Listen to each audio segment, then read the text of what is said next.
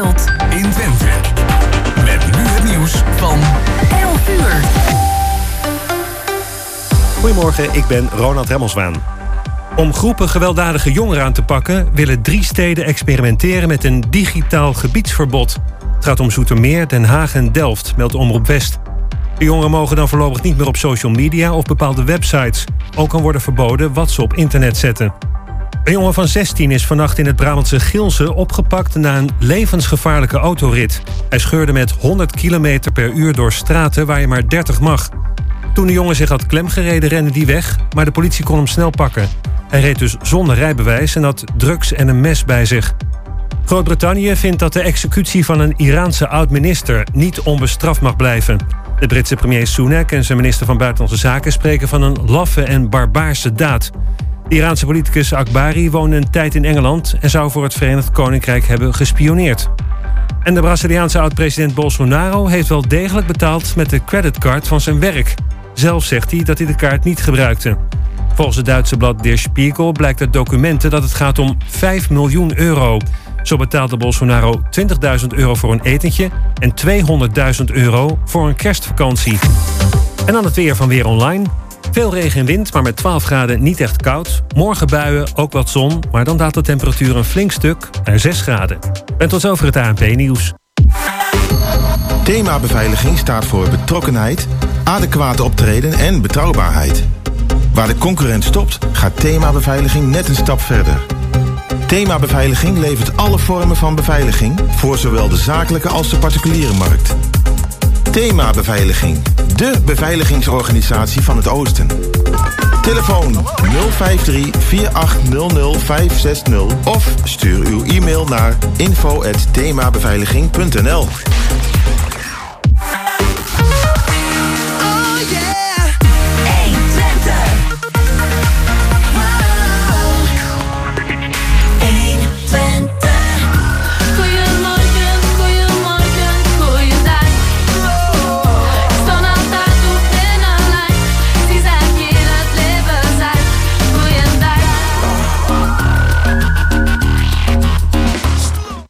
Ja, en, eh, het is eh, twee minuten en 34 seconden over 11. Dat betekent dat het weer tijd is voor het tweede uur van ons live programma. Goedemorgen Hengelo, hier vanuit de studio.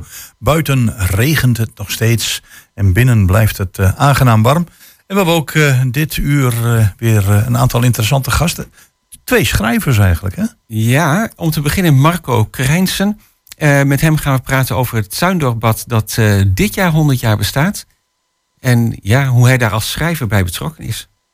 Ja, en dan eh, komt er nog een schrijver, een, eh, een tamelijk onbekende schrijver. Marco is natuurlijk al eh, heel erg bekend van alle boeken die hij gepubliceerd heeft. Dat is Daniel Verhagen. En hij heeft een kinder, ja, eigenlijk een kinderboek. Hij heeft een boek geschreven. De collega's gaan er straks met hem over in gesprek. En heeft ook een hele mooie titel. De Alf die de wereld zag. Ja, jeugdfantasy noemt hij het, eh, geloof Ja. ik. Maar we gaan hem straks eh, precies vragen voor welke leeftijdsgroep het eigenlijk bedoeld is. Want het waren wel kleine lettertjes, dus het is echt wel eventjes eh, voor de echte lezers. Ja, en dan ter afsluiting van het programma, zoals elke week, een gesprek met Mirella Jellema over de activiteiten binnen onze eigen Schouwburg. En we beginnen met de Bellamy Brothers. Let Your Love Flow.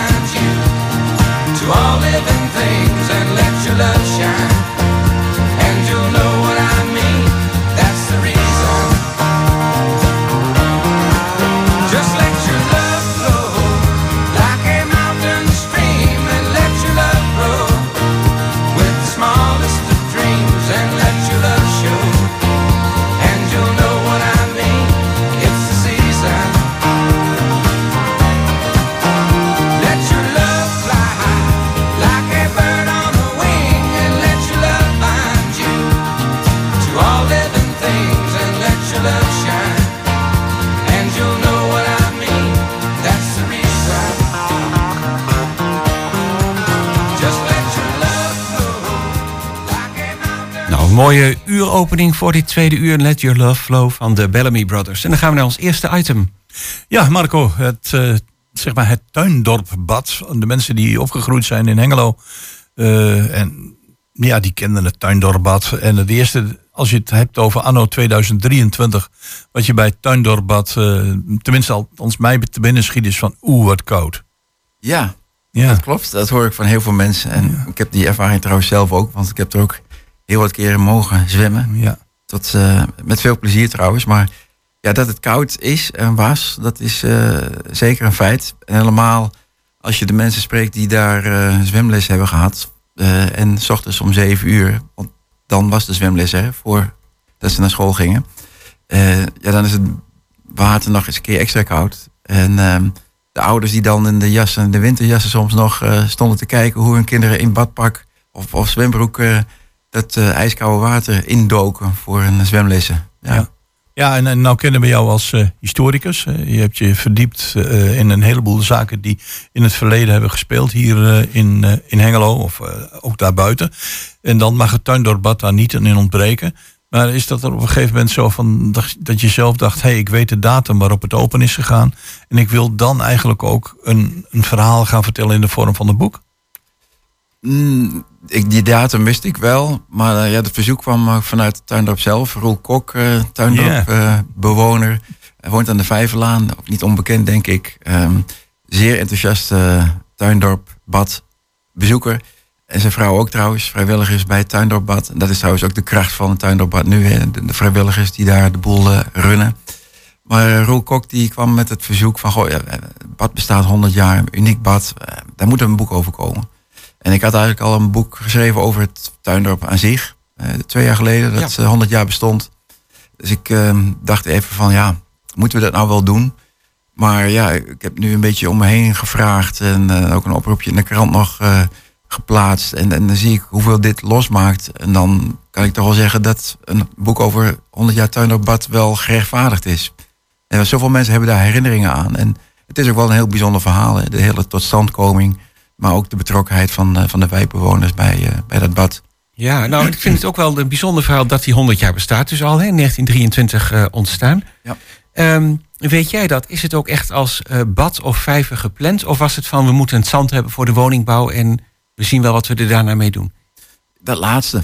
Ehm, want om ehm, de wijk aan te leggen was er extra zand nodig. Dat werd gegraven inderdaad aan, aan de zuidzijde van die wijk.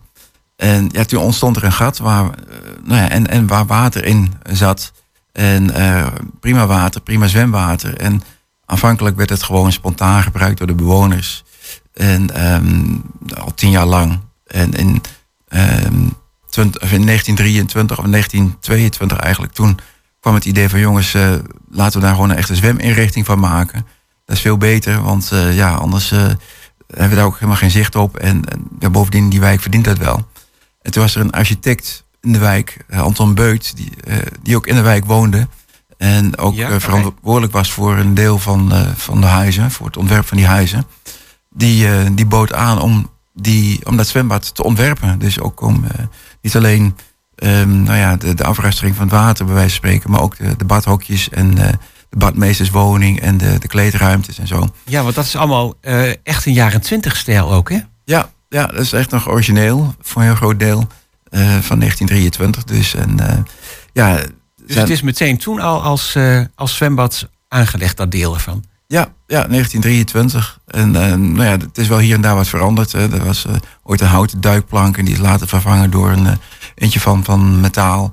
En, en nu is er geen duikplank meer. Dus dat soort veranderingen zijn er natuurlijk Ah, altijd ja. geweest. Maar ja, de, zeg maar die authentieke houten badhokjes en eh, die kantine, of ja, die, die, die algemene ruimte, maar ook het, de badmeesterswoning, die is er nog steeds. En wat is dan de badmeesterswoning? Staat die ook bij die eh, kleedhokken en zo? Ja, ja, dat is eigenlijk het verlengde van, het, van, het, van die accommodatie. Ah ja. En nou ja, daar hebben altijd de badmeesters gewoond. Ehm, er zijn ehm, in de eerste 50, 60 jaar zijn er vijf badmeesters geweest. Die daar ook echt eh, hebben gewoond. En ehm, ja, een van hen was, eh, was Theo Hams. Eh, en, en Theo Hams was een, eh, ja, een man van twee meter lang en een meter breed ongeveer. En eh, die moest een beetje afrekenen met de jeugd die daar af en toe er vandoor ging met, met de snoepzakjes. En, want als Theo daar kwam, dan eh, toen durfden ze het niet meer. Nee, nee, nee, nee. nee. En ehm, hij woonde daar ook. En ik heb zijn weduwe gesproken. En Theo leeft helaas niet meer. En, ehm, die vertelde, ah, dat was de mooiste tijd van haar leven. Dat ze daar woonde, aan het tuindoorbad. Met het zicht op die vijver. En, en, en, en nou, dat, die reuring van die kinderen. En, ehm, en hun zoon eh, is daar ook geboren. En hun zoon heet Jarno.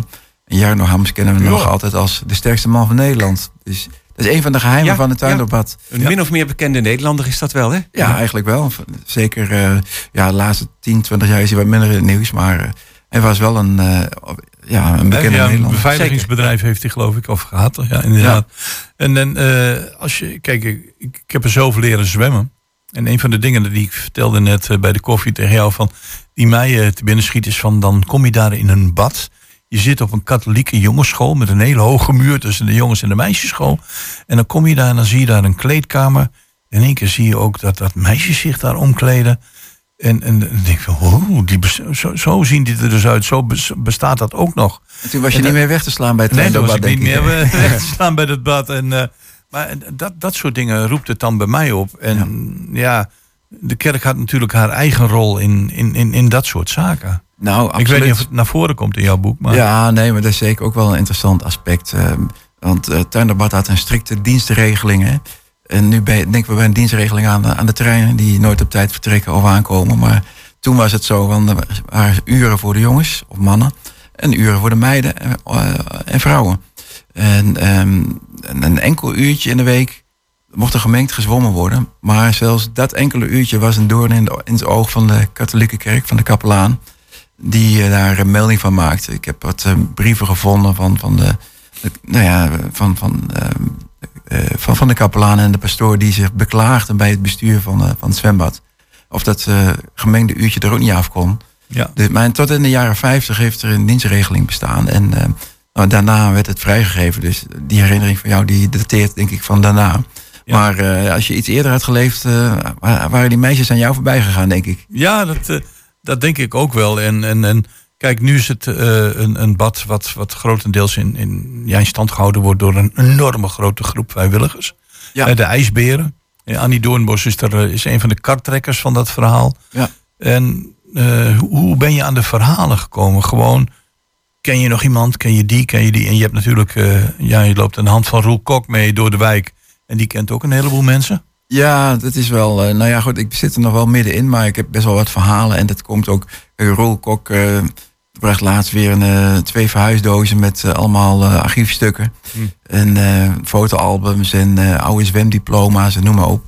En eh, ja, daar- daar hoort ook een lijstje bij met namen. En daar goed, ik doe zelf natuurlijk ook onderzoek naar die, naar die badmeesters. En dan zoek je de familie en mensen die, ja, die je via via kent. En die allemaal wel hun herinneringen hebben. En ja, sowieso krijgt dat boek langzaam een beetje, een beetje vorm. En als er iemand die luistert eh, denkt van... hé, hey, maar het tuindoorbad, dat zegt mij ook van alles. Ik schiet meteen dit of dat te binnen. Dan kunnen ze een mailtje sturen naar jou. Ja, heel graag. Want eh, ik zei net al eh, voor de uitzending, ja, het is eigenlijk een soort community project. Tenminste, zo zie ik het een beetje. Ik, tuurlijk beschrijf ik die geschiedenis en ik doe onderzoek. En ik spreek mensen, maar ik vind het ook heel erg leuk om herinneringen van mensen aan zwemlessen, aan waterpolo-wedstrijden, want die werden daar ook heel lang gespeeld. Aan ehm, schaatswedstrijden misschien, of schaatservaringen, ehm, vis, eh, vissen, er werd natuurlijk ook veel gevist. Eh, alle mogelijke herinneringen aan het tuindorp, die zijn van harte welkom. En, en die krijgen ook wel een plek. Ik, ik heb er ook al heel wat binnengekregen. Bijvoorbeeld van iemand ehm, die tijdens de zwemles een, een vis achter haar badpak kreeg als meisje. Hmm. Nou, dat was zo'n traumatische ervaring dat ze acuut niet meer in het bad wilde zwemmen. En dat heeft ze 22 jaar volgehouden. Totdat haar broer, die badmeester is nu, vorig jaar haar overhaalde om toch nog eens een keer weer een duik te nemen. En dat heeft ze gedaan. En eh, nou, nu is ze weer verkocht aan het, eh, verknocht ook aan het, aan het bad. Dus zo kan het ook lopen. Maar dat zijn natuurlijk prachtige verhalen. Ja, zeker. En het is inderdaad ook meer dan alleen ehm, zwemmen. Want eh, vissen bijvoorbeeld of schaatsen zijn ook wel schaatswedstrijden gehouden, denk ik, hè, als het Ja, ja. mogelijk was. Ja, zeker. En eh, ja, dan, in het verleden dan verkocht de badmeester zelf koek en sopie. Kon hij nog wat verdienen. Oh ja. Hij verdiende trouwens ook altijd, aan, eh, aan, de, aan de zwemlessen. Heel lang was dat nog zo. Totdat het eh, zwembadbestuur dacht van... hé, hey, dat is best wel een leuk verdienmodel. eh, misschien dat we er zelf ook wat aan moeten verdienen. Dus toen kreeg hij alleen nog maar een percentage. Nou ja, later is dat zwembad overgenomen door de gemeente. En uiteindelijk weer teruggegeven aan de stichting die er nu op zit. En die stichting wordt gerund door vrijwilligers. Ja. Dan heb je als titel gekozen: Zwemmen is het beste. Ja, dat is niet eh, zomaar. Natuurlijk is zwemmen hartstikke leuk, maar nee, het was een slogan van Stork. Stork ja, als je een boek over Hengelo schrijft, kom je altijd bij Stork uit. En dat, ja, nu ontkom je er natuurlijk ook weer niet aan. Want eh, ja, Stork was wel een belangrijke mede-initiatiefnemer van, van dat bad.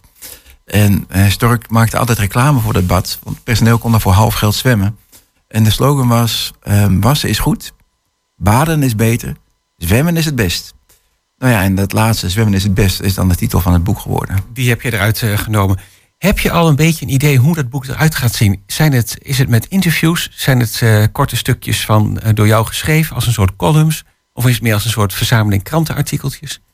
Ehm, het bestaat uit ehm, nou ja, een, aantal hoofdstukken die in, in hoofdlijnen vertelt wat er in de loop van die 100 jaar is gebeurd. Er is ook een tijdlijn. Elk jaar heb ik wel een bijzondere gebeurtenis. Mensen, tot nu toe lukt het aardig. Ik moet er 100 in totaal hebben natuurlijk. Maar ik wil elk jaar wel een bijzondere gebeurtenis eruit lichten. Zodat je in vogelvlucht een aardig idee krijgt van de geschiedenis van het bad. Oh ja. Ehm, maar ik eh, maak ook heel veel ruimte voor, ehm, voor de herinneringen en de ervaringen van mensen zelf. Dus die komen gewoon met naam en toenaam erin. En dat meisje, dus inmiddels een oudere vrouw van dat badpak eh, met, het, met, die, met die vis, die komt er ook in bijvoorbeeld. Hè. Eh, dus dat is wel op die manier heel herkenbaar. Er komen ook gedichten in van mensen die, eh, die van, de, van de ijsberen die ze hebben gemaakt. Ze hebben allemaal liedjes en, en lofgedichten gemaakt over dat hun zwembad. eh, hoe ze dat ervaren. Die komen erin. Dus het is een heel herkenbaar. Het is een groot feest van herkenning eigenlijk voor mensen, denk ik. Oké, nou dat eh, klinkt heel goed. Ja, mooi. En is er nou nog, eh, want je zegt ik zit, eh, ja, ik wil graag verhalen horen. Maar foto's heb je denk ik genoeg. Eh, is er genoeg. ook een deadline gesteld waarbinnen de mensen die verhalen moeten aanleveren aan jou? Nou, we heel graag eh, in de komende weken. Want eh, 13 mei is eh, bijzonder dichtbij. Zeker als je een boek schrijft eh, dat nog gedrukt moet worden en vormgegeven. Dus dan, eh, ik moet wel ergens eh, in, in maart eh, gaan afsluiten. eh, qua tekst. Dus dan eh, hoop ik wel dat de mensen eh, ja, de komende twee, drie weken zich, eh, zich willen melden. En dan, eh, dan kan ik daar zeker nog wel eh, ruimte voor maken. Ja, en jouw ehm, mailadres is eh, contactgegevens zijn te vinden op je website marcokrijnsen.nl. En Marco is met een C. En Krijnsen is met KR lange ei. Ja, en dan een S of NS. En S-E-N. Ik zeg altijd Jansen, maar dan anders. Oké. Nou Marco, bedankt eh, voor de toelichting. Succes met de zogenaamde laatste loodjes van Zwemmen is het beste. En als het uitkomt, eh, dan zijn we natuurlijk heel erg benieuwd eh, hoe het er allemaal uit gaat zien. Ja, dan praten we er graag nog een keertje over verder als die echt eh, bladzijde voor bladzijde voor ons ligt. Maar voor nu heel erg bedankt. Graag gedaan.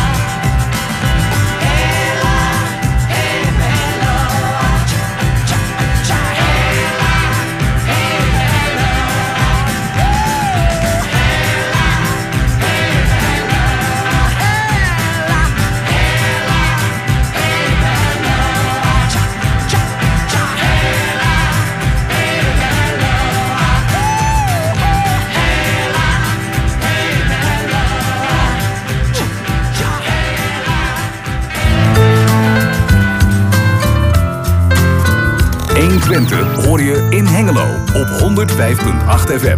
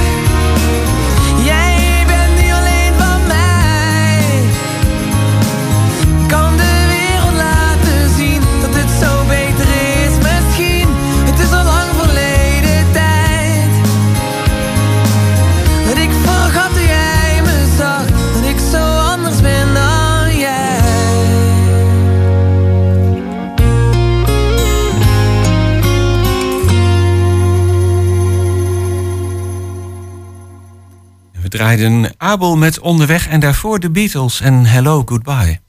Ja, en wij hebben hier op het ogenblik weer een nieuwe gast in de studio. En dat is Daniel Verhagen. En eh, Daniel Verhagen is de schrijver van het boek De Alf die de wereld zag. Eh, ik sta, daar staat boven een verhaal uit Merdarik. Ik zie een heleboel aparte namen. Vertel eens iets over dat boek. Goedemorgen. Ehm, dat boek dat is ehm, nou ja, de Alf. Dat is een, ehm, een mythisch wezentje. Dat komt uit Nederlandse folklore. Maar het stamt ook weer af uit oudere eh, fantasieverhalen van, van echt Noorse mythologie. Eh, maar omdat wij zo weinig ja, verhalen hebben over onze eigen Nederlandse ja, mythologieën, is er niet heel veel van, moet ik ook eerlijk toegeven. Heb ik gekozen voor, voor dit specifieke Nederlandse wezentje. Ehm, dus dat, ja, dat is dus het woord Alf. Merdarik, dat is nou het, het continent waar het zich in afspeelt. Ik heb een, ehm, eh, eigenlijk al voor ik begon aan het boek, heb ik een hele, ben ik begonnen aan een hele reeks uitwerken. Een boekenreeks. ehm, waarin elk verhaal zich afspeelt in een ander land van dit continent.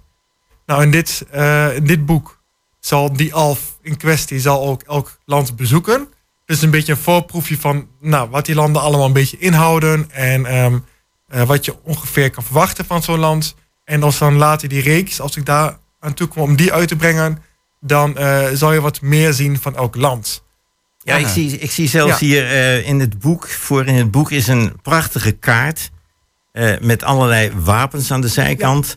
En eh, dat neem ik aan dat dat te maken heeft met de verschillende landen. Ja, dat klopt. En eh, ja, het is een overzichtskaart, maar als ik de kaart omdraai, dan zie ik een hele gedetailleerde kaart. Ja. Hoe, hoe eh, is dat idee ontstaan? Nou, het idee is, ik wilde dus één, eh, één grote wereldkaart heb- kaart hebben voor het continent. Maar omdat je dus bij elk boek dieper in een land gaat, wil ik eigenlijk dat de lezer als het ware het boek openslaat en ehm, ja, eigenlijk bijna letterlijk meer erin wordt gezogen. Dus eerst op je de wereld en je ziet dan het continent. En dan sla je een bladzijde om. En dan kom je dus in een gedetailleerdere versie van het land, waarin je dus meer kan zien. Dus meer steden, meer gebieden. In dit geval is dan een losse kaart, dus niet dat je een bladzijde omslaat. Maar het voordeel daarin is dat je dan uit je boek kan halen, naast je kan leggen. En ook als je leest, kan je even kijken, oh, waar zijn ze nou eigenlijk? Ja, dat vind ik wel een Ja. heel mooi idee. Je hebt dus een uitvouwbare continentkaart van een zelfverzonnen continent. Ja, dat klopt. Die leg je er gewoon naast en dan kun je zien waar het verhaal inderdaad zich afspeelt. En die Alf eh, viel mij ook op. Je zei ja, het is ook een figuur uit de Noorse mythologie, maar deze heeft gewoon echt klompen aan. Ja, nou, het, het is zo. eh, in de Noorse mythologie heb je de, de Alvar, de Zwartalvar. En dat zijn dan, zeg maar, de, de zwarte elfen, om het even in ja, een Nederlands woord aan te geven. Ja? Ehm, en de zijn de lichte elfen.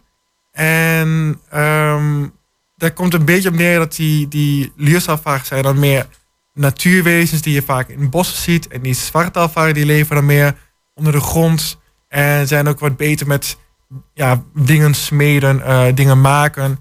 En eh, dat klinkt misschien wel voor sommigen bekend. Want daar heeft eh, Tolkien zich heel erg door laten inspireren. Hij heeft die Ljusavar een beetje als kerngebruik voor zijn elfen. En die Zwartalvar voor de dwergen. Ehm, omdat ja, in die mythologie waren het ook eigenlijk de, de elfen en de dwergen. En hij heeft daar een, een vorm aan gegeven. En ehm, nou ja, dat is natuurlijk voor heel veel fantasieschrijvers een inspiratie geweest. Mhm. Maar ik zag dus dat het woord alf is iets verder doorgecijpeld in Europa. In verschillende landen, waarin, ja, onder andere in Nederland. En eh, ik heb dus eh, gelezen dat er vroeger geloofden ze in alfamannekes en alfavrouwkes. En het waren ook kleine natuurwezens. Eh, iets minder gezellig dan in dit boek, want ze leefden vaak in, in heuvels en grafheuvels en bossen. En dan kwamen ze, s'nachts kwamen ze dan ehm, ja, wel klusjes doen in je huis. Maar als je ze dan ja, ontdekte, als je ze zag, dan maakten ze je blind. Dus nou ja, ik vond dat niet een heel gezellig nee. figuur voor, een, voor mijn hoofdpersoon. Maar ik, ik, ik, ik, ik vond het wel mooi dat, er, dat ze vroeger geloofden in kleine natuurwezentjes. En die heten dan alfamannekes, alfavrouwkes. Vond ik ja, ook wel lieve woorden. En eh, nou, daar heb ik een beetje mijn eigen draai gegeven om het toch wel wat iets meer onze eigen cultuur erin te eh, verweven, maar Ja? niet het concept ehm, weg te gooien. Nee, precies. Maar als Ja. ik dit zo hoor, dan was jij vroeger iemand die heel erg van dat soort verhalen hield? Ja, ontzettend. Ja. Oké, en je las ze zelf of eh, Ehm, schreef ze ook zelf meteen al? nou ja, toen ik nog niet kon lezen, dan probeerde ik ze voornamelijk in films en eh, tv-series te zien. Eh, zodra ik kon lezen, deed ik dat ook. Maar ik, ik bedacht ze ook heel vaak zelf. Ik heb ook wel genoeg ehm, oude, ehm, afgedankte projectjes in mijn laptop staan van toen ik nog 12 was. Oh ja. Ja, die heb ik laatst nog weer teruggevonden. En ja, ik zijn geen, geen mooie werken, maar ik, vond, ik vind het wel leuk om terug te zien hoe ik dat allemaal heb bedacht. Het is waarschijnlijk een proces geweest, hè? Ja. Van dat je daar toen begon en ideeën ontwikkelde. En nu is dit je eerste boek. Dit is mijn eerste uitgegeven boek, ja. Oké. Ik zie dus eh, op die kaart die erin zit, en ja, die vind ik nog steeds er fantastisch uitzien. Eh, er staan een heleboel ja, plaatsnamen op. Zijn dat allemaal verzonnen namen? Ja, ik heb mij ehm, ja, veel, veel fantasieschrijvers die bedenken natuurlijk een eigen wereld. En ehm, het, ja, het, het, vaak wordt daarin eh, gebruik gemaakt van de echte wereld. Dan laat je inspireren door iets. Nou, het makkelijkste is hier in Europa, want dat is wat ik het meest heb gezien, eh het meeste van ken. En ehm, ik vond het heel, maar wat ik heel fascinerend vond, is dat elk, eigenlijk elk dorpje, in elk streekje, alles heeft een eigen eh, geschiedenis en verhaal. En je kunt naar een, een, een land gaan en eh, in, een dorpje, in een dorpje vertelt grootmoeder over figuur A. En in het dorpje dat ernaast ligt vertellen ze over figuur B. En ehm, nou ja, ik heb in mijn wereld heb ik me dus laten inspireren door heel veel Europese verhalen. Waarin men vroeger geloofde. En die vroeger verteld en geschreven werden. En nou ja, hoe, hoe meer je erin verdiept, hoe vaak je ook ziet dat sommige mythologieën, en sprookjes samenhangen met bepaalde plaatsen, bepaalde streken. En ik heb dus eigenlijk geprobeerd om een soort de verhalen van vroeger te projecteren in mijn eigen wereld. Waardoor je dus nu eigenlijk een soort oud Europa hebt. Maar dan ehm, puur gebaseerd op waarvan men vroeger dacht dat het echt bestond.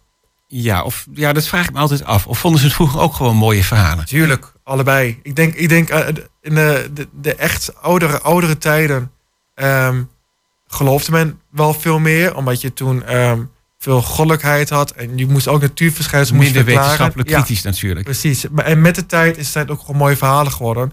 En natuurlijk heb ik daar ook dankbaar gebruik van gemaakt voor mijn inspiratie. Ehm, maar ja, of, je, of ze nou in geloofden vroeger of, of het alleen vertelde aan hun kinderen om ze bang te maken. Ik denk dat elk verhaal heeft een kern waarin je ja, iets, iets moois kan maken. Maar er komen wel veel de namen van de, van de dieren. De gewone dieren, die bestaan allemaal wel. We, we hebben het over de alf, zeg maar. Maar de, de, de uil, de, ja, er komen verschillende dieren in voor. Ja. En die spelen allemaal een rol daarin. Hè? Ja. Vooral de uil speelt volgens mij een grote rol. Hè? Ehm, de uil, die, die, ja, die heeft een, een- een, een mooi rolletje gekregen. Ja.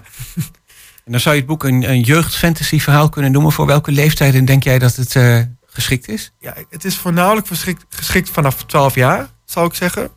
Ik denk wel dat sommige kinderen, zoals ik vroeger, ik, ik vond het ook wel leuk om moeilijkere boeken te lezen of om voorgelezen te worden met wat moeilijkere woorden. Ik denk dat zij hier ook wel plezier mee zouden kunnen hebben, maar over het algemeen is vanaf 12 is het wel ehm, de leeftijd om dit boek, om hier echt optimaal van te genieten. Aha, ja. En eh, best een dik boek met kleine lettertjes. Dus het moet wel iemand zijn die echt van lezen houdt... of zich echt in zo'n wereld eh, mee wil laten nemen. Ja. Nou, misschien zonder de clue te verklappen... maar kun je eens iets vertellen over wat er gebeurt... en misschien een klein stukje eh, voorlezen? Ehm, ja, ik kan wel iets vertellen en ook wel een stukje voorlezen. Ehm, het verhaal gaat dus over, nou ja, de Alf. En zij is vrij gelukkig in haar huisje. En ze kent eigenlijk ook niks anders dan dit huisje. En ze moet dit plots verlaten. Nou ja, dat is natuurlijk vrij eh, lastig. En ze moet dus op zoek in deze wereld om een nieuw huisje te vinden. Wat heel moeilijk is voor iemand die niks anders kent dan één vast thuis. En omdat ze ook zo lang heeft geleefd op die vaste plek, merkt ze ook dat zodra zij voetstap, eh, voet zet in de echte wereld, dat deze heel snel is ontwikkeld en hele andere regels en ideeën heeft dan wat zij kent of snapt. En ik heb me dus heel erg gelaten eh, inspireren door het idee van wat is een thuis. Maar ook voor mensen die, ehm, die vinden dat de wereld wat te snel gaat voor ze. Want ik denk dat dat wel een, een probleem is voor sommigen, ook voor mezelf. En, ehm, nou, en dat, om dat in zo'n fantasiesetting te zetten, is het wat, ik denk misschien ook wat begrijpelijker. Zonder gelijk onze eigen wereld erin te betrekken. Mhm. En het is natuurlijk ook een vrij ehm, naïef persoon, want die kent niks anders. Ja. En nou ja, voor zo iemand is een woord als burgemeester al, wat is dat? Iemand die het dorp leidt. Maar waarom heb je er iemand voor nodig? En dat zijn hele simpele vragen die niet per se antwoord hoeven. En ik geef ook niet echt antwoord op de vraag: wat moet je doen als de wereld te snel voor je gaat? Eh, want er is voor mij ook niet echt een antwoord op. Maar ik vond het wel een heel mooi concept om mee, ehm, ja, om mee te werken. Oké. Nou, dan ben ik wel heel benieuwd als je nog een stukje kunt vinden... waarvan je zegt, dit ga ik eens voorlezen. Dus mooi, mooi voorbeeldje van hoe het er in het eh, verhaal aan toe gaat. Ja, want het is toch eigenlijk een, eh, een boek van zeker 350 bladzijden. Dus eh, Ja, helemaal voorlezen, dat gaat, Nee, dat, dat- gaat dat- wel heel erg. Dan blijven we, zitten we hier nog wel een tijdje. Eh, ik heb hier wel een kleine passage die ik, die ik voor kan lezen. Oké. Wij zijn er klaar voor. Ze bekeek de bomen, de struiken en kwam zelfs dassenburgen tegen die groot genoeg waren om zelf in te kruipen. Maar niks voelde voor haar als een thuis. Het bos was overweldigend en ze kreeg een onbehagelijk gevoel dat vele ogen haar in de gaten hielden vanuit de schaduwen. Eén keer meende ze zelfs twee grote gele lichten te zien die op ogen leken. Enkel om te verdwijnen toen ze riep wie daar was. Else Dieven voelde zich angstig en alleen en steeds meer begon ze Moeke en Wilgbeek te missen. Na een hele middag door het bos geduld te hebben, zou het niet lang meer gaan duren voordat de schemer langzaam het woud door zou dringen. Het werd tijd om een plek te zoeken om te overnachten. Ze wilde iets vinden voordat de zon onder zou gaan, maar niks leek knus of warm genoeg en ze was bang dat het niet zou gaan lukken om op tijd iets te kunnen vinden. Plots klonk een gekraak uit de bosjes. Direct keek ze op. En nu wist ze zeker twee gele lichten te zien. En zelfs de vorm van een ronde kop met twee grote oren waar pluimen op zaten. Wie of wat was dat toch? Ze besloot er deze keer naartoe te lopen. Maar werd plots verrast door het geluid dat achter haar klonk. En wat haar hart deed opwellen van vreugde. Iemand zei iets. Pardon, zoek je iets? klonk de zachte stem. Als de dieven draaide zich om, maar kon niks zien. Misschien verbeelden ze zich het wel. Probeer je iets te vinden? klonk een stemmetje ineens weer. Ik ben vrij bekend in het bos. Wie is daar? vroeg Else dieven. Waar ben je? Ik ben hier, in de struiken, werd er gezegd. Oké. Ja, fantastisch. Mooi. En, en nog heel mooi verteld. Ik bedoel, er zit een hele mooie timbre zit erin Ja, om, bedankt. om daarnaar te luisteren. Op deze manier. Bedankt, ja. heel Ja, dat erg. heb je met sommige boeken inderdaad. Die zijn ook heel geschikt om voor te lezen. Door, vind door het soort ritme wat erin Ja, zit. absoluut. Dat hoor ik hier. Ja. Ja, ik heb ook wel vaak voorgelezen. Ik heb een, een jonge broertje voor wie ik vaak voorlas. En ik heb een tijdje voor de klas gestaan waar ik ook nog wel eens voorlas. Dus voorlezen kijk. vind ik ook wel leuk om te doen. Ja. Misschien heeft dat wel eh Ja, meegeholpen wellicht. om dat, eh, om dat ritme erin te krijgen. Het boek is gewoon eigenlijk online overal bij wie boeken verkoopt en in de boekhandel te verkrijgen. Klopt. Ja. De titel nog eventjes De Alf die de wereld zag. Ja, de Alf die de wereld zag, inderdaad. En de schrijver Daniel Verhagen bij ons aan tafel. Ja. Eh, ik weet niet, Eddie, had jij nog een, eh, een laatste vraag? Nou, ik, eh, ik moet even kijken. De achterkant van, het- van het boek, daar vond ik toch wel heel erg mooi de, de, de introductie. De, de Alf die de wereld zag is een verhaal voor jong en oud. Dat gaat over het vinden van, een, van je plek op de wereld. En wat het precies betekent om ergens thuis te zijn. Dat vind ik wel een hele mooie... Ja, dat is het hele boek. Hè? Daar gaat het over. Ja. Dus, eh, en dan op deze manier eh, geschreven. Maar ook eh, zo, zo net even verteld. Ik Ja. vind het fantastisch. Je hebt ons eh, heel nieuwsgierig gemaakt. En ook naar nog veel boeken die waarschijnlijk nog wel zullen komen. Oh, er staat toch een hele waslijst eh, te wachten. En ik ben nog met eentje zo bijna af. Dus ehm, als het goed loopt en ik er genoeg tijd voor heb, dan ga je vast nog wel meer van me horen. Oké, we zijn benieuwd. En dankjewel en succes. En graag gedaan. Dank u wel.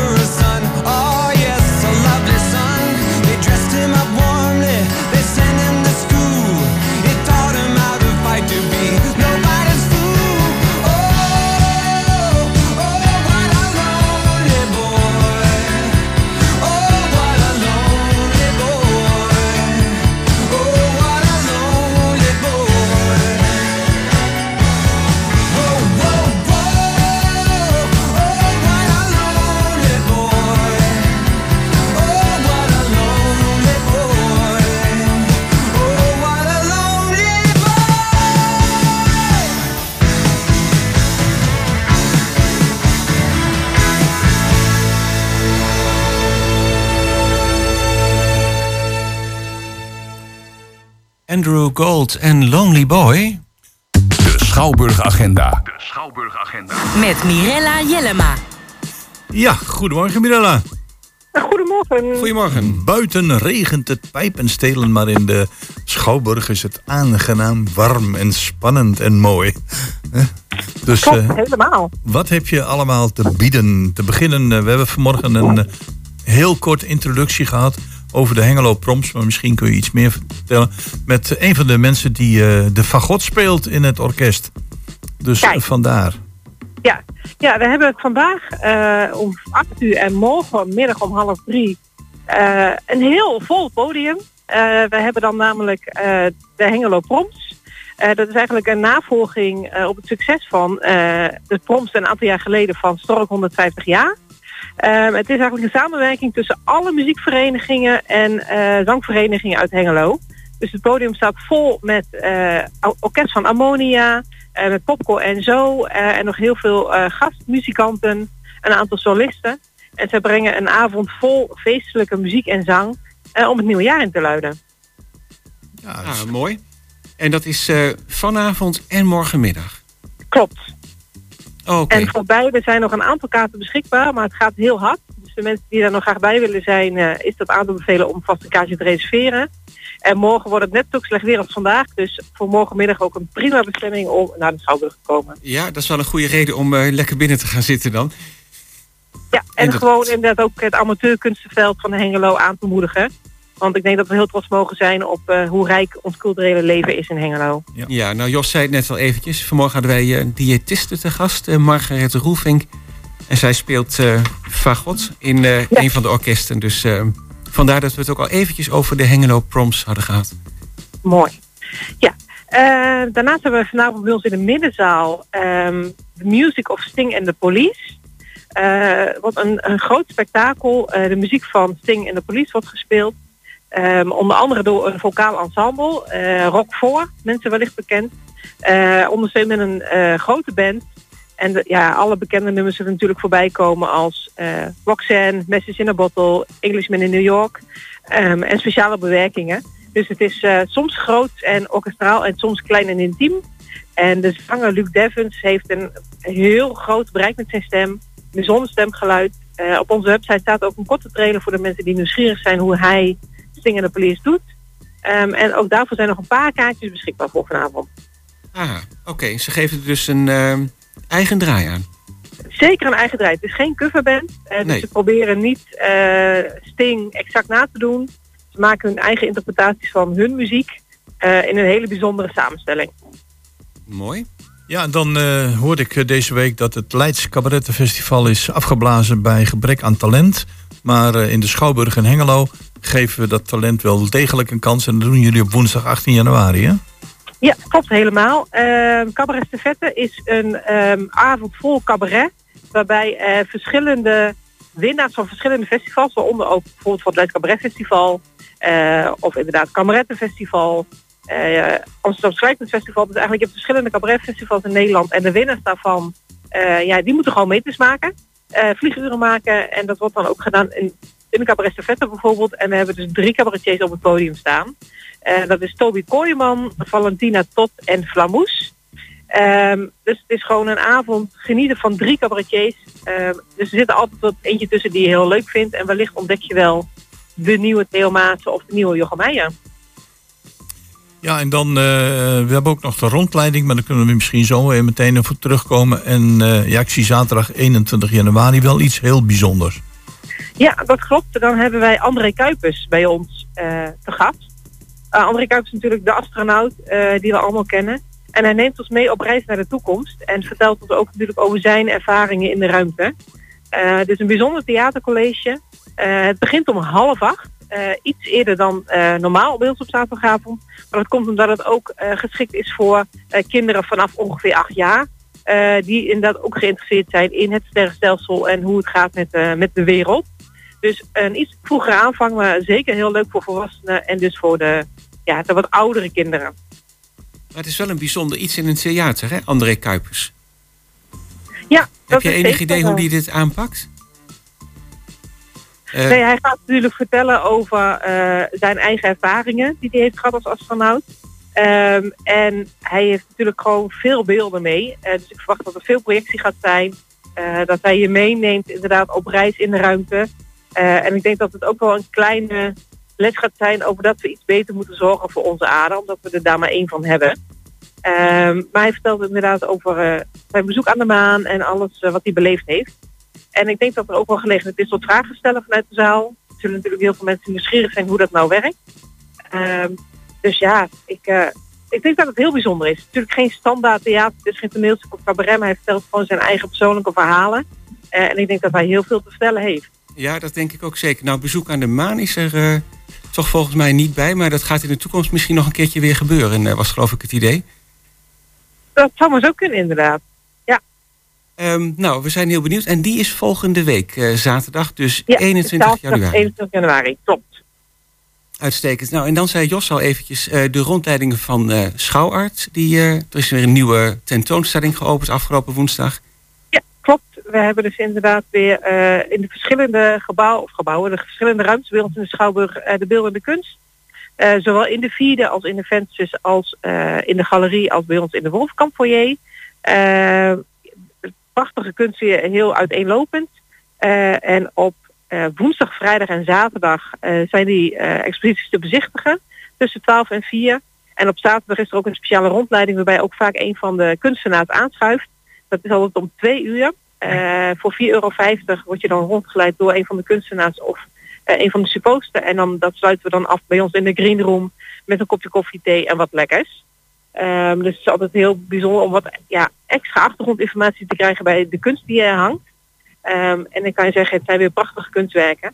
Eh, dus we zijn ook heel blij dat uh, Schouwart weer dit ja, geregeld heeft voor ons. Ja, mooi. Eh, we zullen ook de komende weken trouwens in de uitzending wel aan, eh, aan de kunstenaars die exposeren eh, proberen aandacht te besteden. Ehm, dus ehm, blijf, het, eh, blijf het volgen. Nou, helemaal goed. Nou, dan, eh, daar is de cirkel weer mee rond. Van zaterdag tot zaterdag hebben we gevuld. Tenzij je zegt van, god, ik wil nog iets onder de aandacht brengen. Nou, heel kort misschien, en namelijk een weekend later, het weekend van 28 januari, is het Nationaal Theaterweekend landelijk. Ehm, en op die dag organiseren wij als Schouwburg ook eh, rondleidingen met een speciaal kijkje achter de schermen. Dus de mensen die benieuwd zijn eh, hoe de kleedkamers eruit zien, hoe het werkt om een voorstelling op te bouwen, eh, gaat ons hoofdtechniek ze informeren over hoe dat ja, in zijn werk gaat. En dus het bijzondere kijkje achter de schermen, dus de deuren die normaal voor het publiek gesloten blijven, gaan dan open. Dus de mensen die dat leuk vinden, die kunnen zich vanaf nu ook aanmelden via onze website. We organiseren een aantal rondleidingen per dag en er is vaak veel belangstelling voor. Dus voor de mensen die dat leuk vinden, dat kan vanaf nu ook eh, gereserveerd worden. Oh, En dan eh, Heel mooi. kunnen we ook zien hoe Mirella Jellema eruit ziet dan. Eh, ja, dat kan ook, want ik zal zeker aanwezig zijn die dag. Oké, heel mooi. En dat is eh, zaterdag 28 januari in het eh, Nationaal Theaterweekend. Ja, klopt helemaal. Nou, heel erg bedankt weer voor de toelichting eh, deze keer. En dan Graag gedaan. heel graag tot de volgende keer. Dankjewel. Tot de volgende keer. Goed Tot weekend. ziens. Goed weekend.